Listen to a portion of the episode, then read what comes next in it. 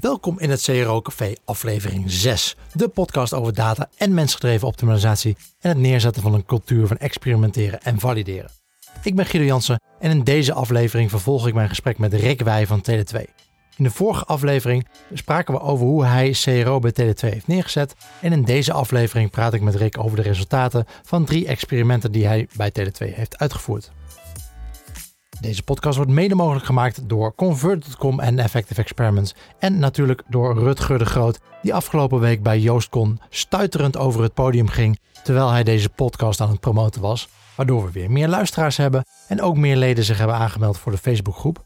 Een foto van een stuiterende Rutger kun je terugvinden in die Facebookgroep waar je naartoe kan via cero.café facebook.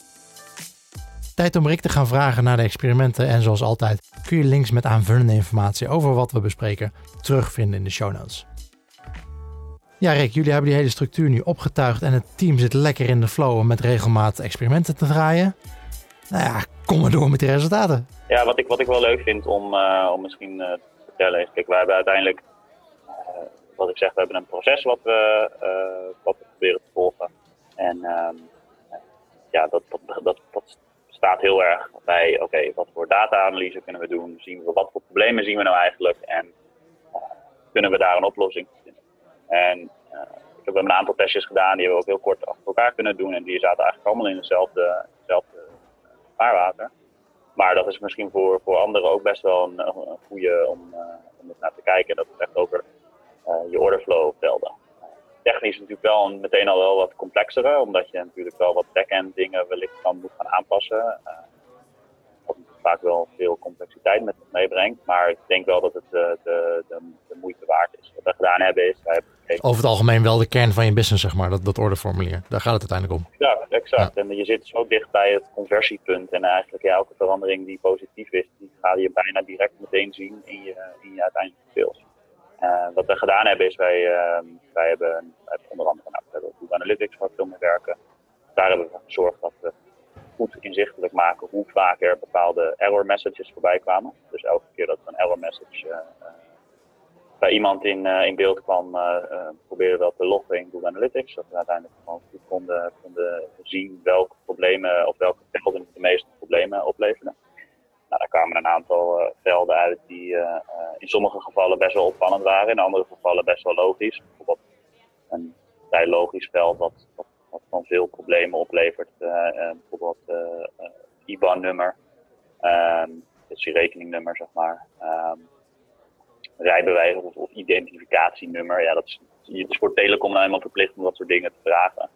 Ja, dat zijn natuurlijk dat zijn inherent gewoon moeilijke velden, aangezien dat gewoon een, op een pasje staat die je of niet bij je hebt, of het zijn veel cijfers, dus je wilt het verkeerd in. Nou, daar zit natuurlijk inherent al op dat het wel vaak fout gaat. Neemt echter niet weg dat je natuurlijk wel goed kan, kan gaan kijken, nou, hoe kunnen we dit dan gaan verbeteren? Nou, wat we dan doen is, we zien nu dat dit velden zijn die uh, veel issues veroorzaken. Laten we eens kijken of we met de data die we hebben en de, uh, de heatmaps en de recordings, of niet iets beter kunnen begrijpen waarom die dingen nou fout gaan.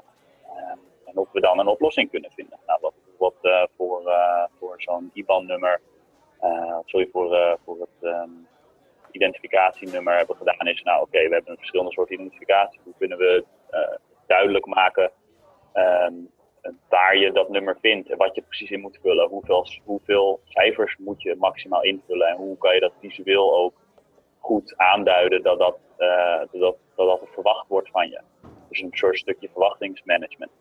Uh, dat hebben we bij een aantal velden op die manier kunnen doen. Dus we hebben eigenlijk een soort van redesign van, van zo'n veld gemaakt, waarbij we het gewoon een stuk makkelijker maken om in te vullen wat je in moet vullen. Ja, dat heeft eigenlijk in, alle, in, al die, uh, in al die situaties dat we dat geprobeerd hebben, heeft dat eigenlijk, um, heeft dat eigenlijk best wel goed gewerkt. En dan heb je eigenlijk een, al snel een uplift van 4, 5 procent te pakken. En, en aangezien je al, je zit al in sommige gevallen hartstikke ver in je orderflow. Uh, ja, ja, als je dan 4 procent pakt, ja, dan, uh, ja, dan gaat het hard. Dan gaat het heel hard. Maar, maar hebben jullie dan, uh, wat, wat, hebben jullie dan precies aangepast? Zit er visuele ondersteuning bij? Ja, klopt. Het gaat heel erg om. Kijk, we moeten het nog steeds uitvragen natuurlijk. We kunnen niet gewoon zeggen, nou laten we ja. het hele veld niet meer, niet meer nee. Maar inderdaad, een stukje visuele ondersteuning. Dus voorbeelden van een identificatie. Uh, hoe ziet een rijbewijs in dit geval bijvoorbeeld? ziet hij eruit? Waar staat het nummer wat je in moet vullen? Hoeveel cijfers is dat? en op die manier mensen wat, wat helpen.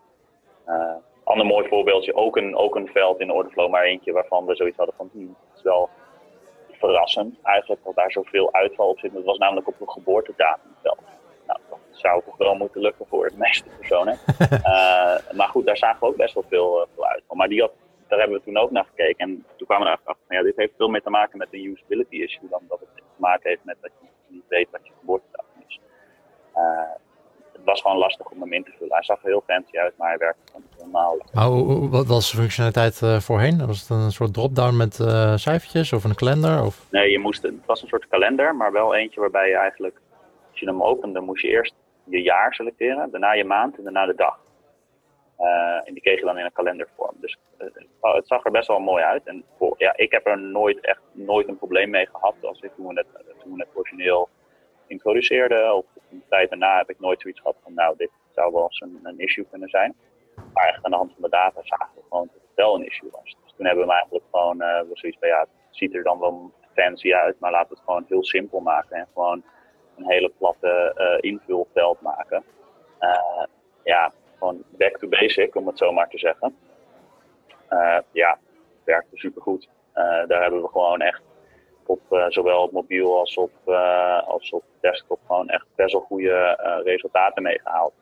Ehm, mooie uplift van volgens mij, kijken, nou iets van 7% of zo op allebei. Nou, goed. Maar is gewoon een, een, een regulier tekstveld geworden? Want kan, kan jullie backend daar dan mee omgaan? Want dan, dan ja. heb je heel veel manieren om dat in te vullen natuurlijk. Ja, uiteindelijk is het, gewoon een, is het eigenlijk gewoon een platte, platte invulveld geworden. Oké. Okay. kijk, uiteindelijk is er wel testen die natuurlijk echt, die worden ook echt gemaakt door onze door onze developers. Uh, ik kan dat natuurlijk niet aan de voorkant zelf in, in, in een editor gaan aanpassen. Dan gaat het niet werken.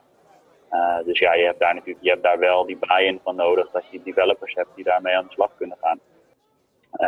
ja, goed, dat is wel een, kan een dingetje zijn en dat zijn misschien ook niet de eerste testen die je doet. Maar goed, wel om even aan te geven dat het wel heel erg goed kan werken op die manier. Die visuele ondersteuning voor, nou, laten we een rijbewijs zien of waar kun je op je bankpasje uh, je bankrekeningnummer vinden. Mm -hmm. gewoon heel praktisch. Je hebt heel veel verschillende banken met heel veel verschillende bankpasjes. Ja. Uh, rijbewijs of identificatienummers zien er ook allemaal anders uit. Ook als je, nou, als je na vijf jaar een ander rijbewijs hebt, dan ziet het er ook weer heel anders uit. Staan die cijfers ongetwijfeld weer op een andere plek. Hoe, hoe, ga, hoe ga je daarmee om? Nou, bankpassen zijn wel redelijk, uh, ondanks dat ze er allemaal iets anders uitzien, maar wel redelijk universeel. Het is gewoon ook een, een, soort van, het is niet dat je per bank een verschillend pasje laat zien of zo. Het is gewoon een soort van uh, dummy ja. versie van, ziet het gemiddeld bankpasje eruit.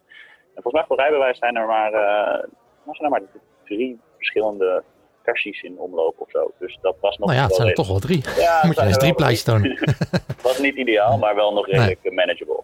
Dus. Oké, dus jullie hebben daar drie verschillende versies van getoond of zo? Ja, we hebben gewoon, ja, okay. precies. En uh, mij uiteindelijk is het 90% heeft allemaal één versie, dus ja, bij de meeste bankpasjes staat het nummer uiteraard wel. Ik heb ook een bunkpasje, er staat, staat geen nummer voorop, staat nummer achterop.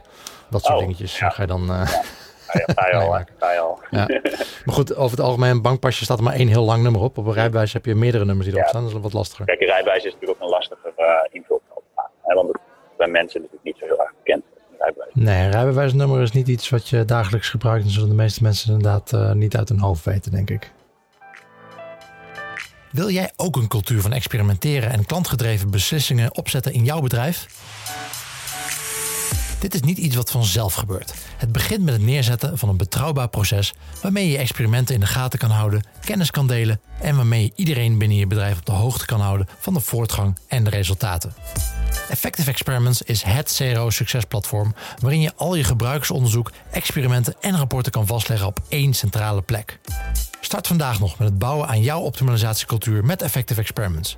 Een demo aanvragen doe je via www.effectiveexperiments.com. Nou, misschien nog wel goed om, uh, om ook even terug te grijpen op waar we net, waar we net over hadden over die piramide. En waar eigenlijk uh, value proposition, dus die waardepropositie eigenlijk onderaan staat. En omdat dus betekent dat je daar eigenlijk uh, moet beginnen wanneer je echt gaat, gaat AB-testen.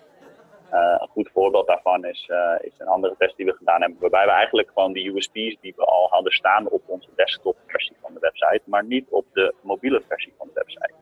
Puur omdat we gewoon en ik denk dat het heel vaak gebeurt bij heel veel websites, dat er gezegd wordt, nou mobiel het is allemaal wat kleiner, we hebben wat minder ruimte, dus we gaan links en rechts van wat dingen schrappen.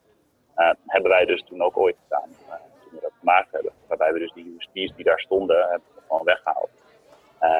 Nou ja, nu hebben we dat dus getest om dat toch maar weer toe te voegen. ja, ook dat werkt, werkt ontzettend goed. dat was een super simpele test eigenlijk, want het was gewoon alleen maar visueel, dus gewoon alleen maar letterlijk een paar regels tekst toevoegen. Op mobiele devices, dus specifiek. En daar hebben we, kijk, iets van 13, 14 procent extra conversie. Puur op, die, op het toevoegen van een paar tekstregels. Oké. Okay. super goede super use case. Wat ook nog maar ja. benadrukt hoe belangrijk het is dat je, dat, je, dat je nadenkt over waar je bezoekers mee bezig zijn. Dat je, die mensen komen op je website, die komen daar misschien voor het eerst. Die weten niet precies wat je aanbiedt. Zeker, misschien wel zeker op mobiele devices. Aangezien natuurlijk altijd wel een beetje gezegd wordt, nou mensen beginnen al op mobiel en sluiten misschien later af op desktop. Ook al vind ik dat, nee, ik ben ik het zelf niet eens helemaal mee eens. Maar dat er veel op mobiel gebrowsed wordt, is natuurlijk wel gewoon een feit die boven water staat. En uh, ja, dat je gewoon continu moet blijven nadenken over, zorgen wij nou dat wat wij verkopen, dat wij dat duidelijk aanbieden dat het duidelijk zijn van wat we, wie wij zijn, wat we doen, waarom je bij ons moet zijn. Uh, en ik denk dat dat iets is wat je heel snel vergeet naarmate je wat langer bij een organisatie zit en dat je er gewoon elke dag met je website uh, bezig bent en elke dag actief bent in zo'n bedrijf. Dat je ook af, dat je heel makkelijk kan vergeten dat er elke dag honderden, misschien wel duizenden mensen naar je website komen die misschien ooit zijdelings een keer van je, van je, van je brand gehoord hebben of misschien zelfs wel helemaal nooit. Uh, ja, dat zijn wel de mensen die, uh, als, je die als, je, als je daar een goede, een goede oplossing voor kan bieden, is dat uiteindelijk wel iets wat heel veel resultaat kan leveren. En als we het over de piramide hebben, even, even kijken of we dezelfde piramide hebben. um, zullen we even delen in de show notes, maar uh, dat, die, die piramide die begint onderaan met uh, unieke waardepropositie. Uh, daarbovenop, uh, stapje hoger, zit uh, bakje technologie. Dan functionaliteit, daarna usability, daarna intuition en helemaal bovenaan staat emotie. Ja. en wat die piramide zegt, is dat unieke waardepropositie, emotie en intuïtie, dus eigenlijk de onderste deel en het bovenste deel van die piramide, dat zijn eigenlijk de dingen die je altijd moet AB testen. Mm -hmm. um, verbeteringen op het vlak van technologie, ja, dat hoeft niet zozeer te AB testen, dat moet je eigenlijk direct implementeren. Mm -hmm. en bij usability en functionaliteit, Um, daar hangt het dan maar net een beetje vanaf. Uh, daar kun je een AB testen of direct implementeren. Ja. Uh, daar, daar, daar, moet je zelf een afweging maken. Ja, ja en ik vind, ik vind inderdaad, nou goed, de technologie inderdaad, bijvoorbeeld als je het hebt over uh, nou ja, laadsnelheid of zo. Weet je, als, je, als je fixes hebt voordat je, dat je website die pagina sneller laat, ja, dan kun je dat, dat blind doorvoeren. Al is het natuurlijk nog steeds hartstikke interessant om het wel te testen als je dat kan, om in ieder geval te zien wat de impact nou eigenlijk is. Dan kom je weer bij dit uh, prioriteren terecht. Uh, wat, wat, wat, kan je bedrijf aan, zeg maar? Ja. Als jij een, een boeking bent en uh, alles gaat eigenlijk alleen maar via experimenteren en alles, ja. elke verandering, zelfs een, een technologie, verbetering, alles wordt, ge, wordt AB-test. Als je die capaciteit hebt, prima. Ja. Uh, maar die, die, luxe hebben we natuurlijk niet allemaal. En, dat, en als je dan keuzes moet maken, ja, uh, als, de website, als het de website sneller maakt, ga het dan gewoon doen. Ja, ja nee, zeker, zeker. Zeker op dat vlak, absoluut. Uh, maar goed, er zijn inderdaad heel veel andere dingen. Zeker functionaliteit en ook maar ook usability, waar je, en, en dan zeker je waardepositie gewoon wel even kan altijd testen. Convert is het bedrijf achter Convert Experiments, de knippervrije AB-testing tool met enterprise-level security die standaard volledig voldoet aan de GDPR-wetgeving. Daarnaast is Convert een goed voorbeeld van maatschappelijk verantwoord ondernemen. De organisatie is maar liefst 100 keer CO2-positief en Convert doneert elk jaar 10.000 dollar aan goede doelen. Om te zien hoe Convert ook voor jou het verschil kan maken, ga je naar convert.com/features. Ook al iets tofs wat we ook gedaan hebben, is en ook redelijk, zou redelijk eenvoudig in te regelen kunnen zijn, afhankelijk van welk bedrijf je mee bezig bent. Maar uh, toevoegen van een, van een telefoonnummer op je bestelpagina of, of, of je, je productpage of iets dergelijks. In ieder geval uh, het, het, concept van, uh, van een soort van cross-channel. Dus dat je gewoon gaat nadenken, oké, hoe kunnen we de mensen die op de website zijn ook op een andere manier assisteren. We hebben, het is echt een ding wat je eigenlijk altijd wel echt wil testen, want je wil natuurlijk enerzijds niet dat je online conversie vervolgens volledig onderuit gaat, omdat iedereen op die website lekker gaat bellen naar het callcenter en vervolgens daar zijn order. Uh, is een beetje linksom of rechtsom. De order komt nog steeds binnen. Maar goed, zoals het natuurlijk bij veel bedrijven gaat, heeft iedereen zijn eigen targets. En uh, wil iedereen graag zijn eigen conversie en zijn eigen sales uh, target houden. dus wat wij gedaan hebben is, is wel dan test gedaan. Dus we hebben het telefoonnummer toegevoegd echt in de, in, de, in, de, in de funnel, in de orderflow. Waarbij we dus zoiets hadden van nou, als mensen als mensen iets willen testen, of sorry, als mensen, als, als mensen vragen hebben op dit punt, dan willen we ze gewoon graag kunnen assisteren. En dan is het gewoon even belangrijker dat we, dat we, dat de vragen beantwoorden dan dat het per se of via online of via een ander kanaal binnenkomt. En uh, de, de hypothese was dan ook van nou, het toevoegen van het telefoonnummer uh, uh, kan enerzijds het kan of leiden tot een, tot, een, tot een verhoging van de online conversie en daarmee ook natuurlijk bijkomend uh, extra sales voor het callcenter. Ja. Um, hij zou ook omlaag kunnen gaan en, en dat het callcenter overal mee wegloopt. Nou, dat was een beetje de tweestrijd waar we tussen zaten. We hebben dat getest en toen kwamen we er eigenlijk wel heel snel achter dat het, dat het een beetje een win-win situatie is. Dus dat en het, tot het toevoegen van je telefoonnummer eigenlijk je online conversie zelfs uh, stimuleert. En en het callcenter, ja, daar komen natuurlijk een, uh, best wel veel calls op uit. En ja, er zullen dan altijd situaties zijn dat, uh, dat ze het online toch niet af kunnen verronden en dat ze hem via telefoon doen. Ja, ook prima. Weet je wel, het is dan natuurlijk uh, echt een win-win situatie. dus, dus dat, zijn, dat hebben we toen getest. Nou, dat werkte toen best wel goed. we hebben toen wel gezien dat het vooral heel goed werkte op desktop. Dat het op mobiel wel een iets andere situatie was. Nou, dan komt dat is op zich ook niet zo heel gek natuurlijk. Als je dan redeneert dat mensen een telefoon in hun handen hebben, vervolgens een telefoonnummer zien staan, dat ze waarschijnlijk eerder zullen bellen dan wanneer ze op een desktopapparaat zitten. Uh, toen hebben we dat later, uh, dat zijn we nu nog, aan het testen, hebben we dat nog een keer gaan testen op specifiek op mobiele devices, waar we dan toch iets minder nadrukkelijk in beeld uh, proberen te brengen. Ehm, om te kijken of we het dan we dan de, online conversie in ieder geval op het gelijke niveau kunnen houden. En dat we dan in ieder geval wat extra sales via het kassen. Uh, en ja, dat lijkt wel te werken, ook nu.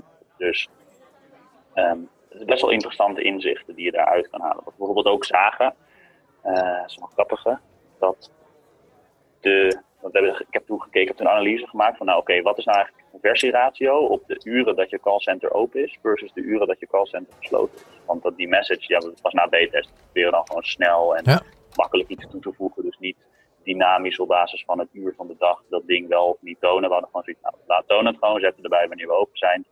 En uh, zien we het wel. Uh, en toen, kwam, toen kwamen we erachter, dat vond ik wel heel grappig, dat dus de conversieratio in de uren dat het callcenter gesloten was, dus een stuk hoger was nog dan, dan dat die open was. Dus dat op het moment dat mensen dus uh, zien dat, er een, dat je kan bellen, ook al kan je helemaal niet bellen op dat moment, want het is vier uur s'nachts, zeg maar wat, ja. Dat dat toch nog steeds wel zorgde voor een verhoogde conversie. Dus dat dat stukje vertrouwen wat zo'n telefoonnummer dan toch Precies, ja. dat dat gewoon heel veel waard is. Nou, dat was voor ons wel echt een waardevol inzicht. Dus we zijn ook nog meer testen gaan doen waarbij we die integratie tussen die verschillende kanalen proberen te stimuleren die test heb ik vaker ook uh, zelf gedaan en voorbij zien komen. Inderdaad, dat het, dat het goed werkt. Ja. Dat het conversieverhogend werkt, uh, zonder dat het per se een impact hoeft te hebben op het aantal mensen dat belt. Ja, was, dat was ook jouw ervaring wel in. ja. ja, nou ja. ja. Dat ligt dan goed in lijn, inderdaad. Ja, ja het, het straalt blijkbaar, of tenminste, dat is dan de hypothese, het idee erachter dat, dat, dat het vertrouwen uitstraalt. Dat mensen denken: nou, oké, okay, mocht er iets misgaan met mijn proces nu, in ieder geval het vertrouwen dat ik straks iemand kan bellen. Ja, ja maar goed, het is ook, het is ook als, je het, als je het zo redeneert. Ja, als, je het vanuit, als je het vanuit een bezoeker redeneert, ja, uh, weet je, die, die kijkt er natuurlijk op een hele andere manier naar. Die ziet gewoon, ah, wat fijn, dit bedrijf die geeft mij in ieder geval alvast een, een soort van backup mogelijkheid. Mocht ik toch nog iets hebben waar ik uh, nu niet uitkom op de website. Ja. Dat is natuurlijk een hele fijne, fijne ervaring als, als, als bezoeker zijn.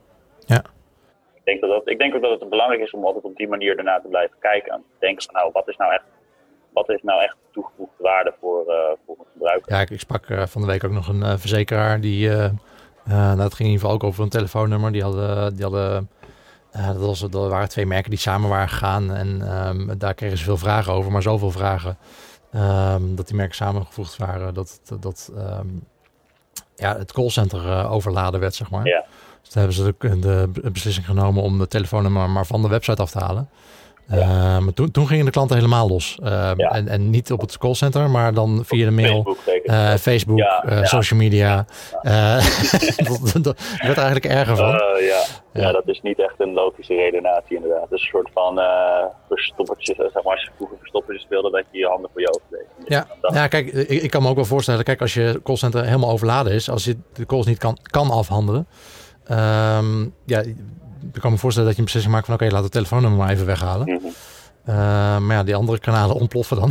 het, is Ja. niet, het is niet dat het dan stopt, zeg maar. Nee, nee, niet echt. Uh, ja. Hey, in het begin gaf je al aan, nou, ja, sowieso, we zitten samen in een Shopping Tomorrow en dat heeft jou uh, heel erg geholpen. Uh, de processen die we daar hebben uitgewerkt met, het, uh, met de groep, om dat ook bij, bij Tele2 neer te zetten. Um, wat voor andere nou ja, externe blogs, podcasts, resources gebruik jij nog meer om inspiratie op te doen? Wat, wat, wat, waar krijg je ideeën vandaan? Nou, wij werken ook samen met een agency. Dat werkt ook heel erg. Dus niet zozeer okay. interne resources, maar wel ja. niet zozeer blogs of iets dergelijks. Maar wel gewoon ja, met een agency samenwerken. Dit is wel is ook, is ook niet, natuurlijk niet voor iedereen zomaar eventjes um, heel makkelijk te doen. Um, maar mocht je in een situatie zitten dat je, uh, dat je een beetje soort van, ja, we, we kunnen eventueel uh, uh, wel of niet iemand inhuren voor CRO, is ook een oplossing om om eens met zo'n agency te gaan zitten. Want daar komt natuurlijk kennis vandaan, heel veel ideeën. En uh, is misschien ook wel een goede oplossing om, uh, om je organisatie verder te helpen. Uh, dat heeft in ieder geval bij ons ook best wel veel geholpen. Um, en verder, ja, ik, ik, ik vind dat er niet. Ik, ja, misschien heb ik, mis ik ze allemaal of zo. Maar ik vind dat er zeg maar voor CRO aan zich ook nog niet zo heel veel. ik ben blij dat deze podcast er nu is. zo, want er zijn er niet zo heel veel. Ja. Nee. Uh, dus dus uh, ik heb nog wel de, de Engelse, of een Amerikaanse, het gaat meer over analytics hoor, maar dat is een Digital Analytics Power Hour heet die. Oké. Okay. dat gaat wel wat dat gaat minder over CRO, maar mijn, mijn, ja, mijn basis is natuurlijk wel heel erg web analytics. Dus ja. dat vind ik wel heel erg interessant. Maar die gaat ook heel erg over hoe, wat voor tools gebruik je om je queries mee te schrijven en dat soort dingen. Dus dat is ook al vaak iets technischer, maar goed, wel een hele interessante om dus naar te luisteren. De Digital Analytics Power Hour. Ja. Nou, en, en inderdaad, met, uh, met de CROKV podcast proberen we ja, de informatieuitwisseling uh, wat, wat te, te, stimuleren. Ja. En te laten zien wat we al met z'n allen aan het doen zijn. En dat we ook weten, nou, hopelijk, als er mensen denken van... hé, hey, hier heb ik een probleempje mee. Denken ze over drie maanden. Mm -hmm. Misschien moet ik even Rick Wij van Tele2 even een ja. bericht sturen. Want die heeft het ook al een keer gedaan. Precies, exact. dat we elkaar daar een beetje mee kunnen helpen. Ja. Dat, zou, dat zou mooi zijn. Hey, en je, had, je noemde in de voorbespreking ook het rapport van, van econsultancy.com. Daar gaan we het ja. nu niet over hebben. Nee. maar laten we daar binnenkort een, een, een vervolgpodcast voor inplannen. Lijkt me Dan heel spreek je jou weer. Dat, dat rapport, we hebben al een keer een, een podcast gedaan over het rapport van Conversion XL. e-consultancy heeft ook een rapport geschreven over de staat van conversieoptimalisatie. Ja. en dan gaan we het onder andere hebben over de titel van dat rapport. Ja. Uh, ja. uh, dat, dat heette voorheen het uh, Conversion Rate Optimization Report. En Conversion Rate hebben ze laten vallen. Ja. En het heet nu nog het Optimization Report. Ja, het klinkt, het, klinkt, het klinkt misschien niet als heel boeiend, maar ik denk dat daar heel veel achter zit, eerlijk gezegd. Nou, lijkt me een leuke topic voor, een, voor de volgende podcast met jou. Ja, lijkt me hartstikke leuk. Hey Rick, dankjewel. Super interessant om te horen hoe je dat bij Tele2 hebt, hebt neergezet, uitgerold. Yes. en, en, en dat het ook echt werkt dat is natuurlijk ook zeker met, uh, met de Shopping Tomorrow groep dat het ook echt werkt. Dat ja. het in de praktijk, uh, als het in de praktijk toegepast wordt. Ja, ik kan, uh, ik kan, ik kan bevestigen dat het, dat het echt werkt. Ja, heel goed. En, en dank ook voor het, voor het delen van de cases. Dat is altijd superleuk yes. als we wat praktische cases ja, de revue kunnen laten passeren. Yes, geen probleem. Dankjewel. Cool. Alright. En hey, dankjewel en fijne dag. Yes. Wij spreken elkaar snel weer. Yo. En voordat we afsluiten en ik je vertel waar de volgende aflevering over gaat, heb je uiteraard nog onze wekelijkse Neuronugget te goed. Byron Ben Barra van Neurofight Academy leert marketeers om neuro- en gedragspsychologie toe te passen. Wekelijks deelt hij één psychologisch principe uit hun trainingen met ons. Framing. Hoe je beïnvloedt hoe jouw boodschap overkomt. De meeste CRO-specialisten komen er al snel achter dat copy een grote rol speelt in de conversie. En toch kunnen kleine aanpassingen in de tekst vaak grote veranderingen teweeg brengen. Dit heeft te maken met het psychologische concept framing. In deze neuronugget leer jij de fundamenten van hoe dit werkt en hoe je het kan toepassen om jouw conversie te zien groeien. We weten allemaal dat de manier waarop je iets zegt vaak belangrijker is dan wat je zegt. Psychologen noemen dit het frame van de boodschap. Net als bij een foto heeft de invalshoek enorm veel impact op het eindresultaat. En dat is in communicatie hetzelfde. Een overtuigende boodschap kan niet zonder een goed frame. Maar hoe bepaal je welk frame het handigst is? Door jezelf eraan te herinneren dat ons brein een associatief netwerk is. Het is essentieel om positieve associaties op te roepen met je boodschap. En framing is hiervoor een perfecte techniek. De term framing houdt in dat je jouw boodschap plaatst in een bepaald conceptueel kader, wat bepaalt hoe we de informatie interpreteren. Een voorbeeld is werkzoekende, en dat klinkt bijvoorbeeld een stuk positiever dan werkloze. Dit is een klein verschil, maar de impact op ons denken is moeilijk te onderschatten. Het belangrijkste om te weten is dat framing gaat om perceptie. De realiteit doet er minder toe dan de associaties die worden opgeroepen. Goede frames bestaan dan ook uit heldere beelden die emotie oproepen. Hoe prikkelender en eenduidiger het frame, hoe sterker de associatie die bij jouw boodschap wordt opgeroepen. Het doel van het juiste frame is dus om positieve associaties aan de boodschap te koppelen. Maar zoals dit ook geldt bij kleuren, worden frames gevormd door onze cultuur, persoonlijke ervaringen en kennis. Dit betekent dat niet iedereen dezelfde conceptuele associaties heeft met de boodschap. Denk dus goed na wie je doelgroep is en waarom zij jouw product of dienst willen. Of nog beter, vraag het ze. Frames verankeren zich snel in het brein wanneer ze regelmatig worden gebruikt. Consistentie is hierbij belangrijk. Jouw boodschap wordt daardoor langzaamaan steeds meer geaccepteerd en daarom ook overtuigender. Zorg dus voor een consistente framing in de hele klantreis. In jullie marketinguitingen, is jouw product de held of is het een middel wat jouw klant de held maakt? Small change, big difference. Als laatste willen we je nog een tip meegeven. Focus je frame alleen op de associaties die je echt wil oproepen. Voor ons brein werkt iets ontkennen ongeveer hetzelfde als het erkennen. De concepten die aan elkaar gekoppeld worden vormen een sterke neurale associatie. Neurons that fire together, wire together. Wil je concreet bewijs? Denk dan nu niet aan een roze olifant. Zoals je vast gemerkt hebt, doet het woord niet er weinig toe in deze boodschap. Het zit er alweer op voor deze week. Hopelijk heb je hernieuwde motivatie om die call to action te herschrijven met het juiste frame. En welke drie dingen wil je nou echt onthouden? 1. Hoe je iets zegt is vaak belangrijker dan wat je zegt, dus let op je frame. 2. Denk na over de associaties die je wil oproepen. En 3. Wees consistent in het framen van jouw boodschap. Dat was hem voor deze week. Tot snel. Dat was Byram van Neurofight Academy met de wekelijkse Neuronugget. Is er nou een psychologisch principe waar jij meer over wil weten? Laat het ons dan weten op cro.café slash Facebook en vraag het aan Byram of aan mij en wellicht hoor je jouw topic de volgende aflevering terug. Ik hoor ook graag wat je van deze podcast vindt, zodat ik deze ook weer beter kan maken. Feedback achterlaten kan in de Facebookgroep of via het feedbackformulier op cro.café slash feedback. Dit was aflevering 6 met Rick Wij van Tele2. Superleuk dat je luisterde. Volgende week praat ik met Roderick Rijgenbach. Hij is neuropsycholoog en een van de oprichters van Braingineers. En dan gaan we het hebben over het meten van emotie bij aankoopprocessen en hoe je die inzichten kan gebruiken om je custom journey te verbeteren. Tot dan!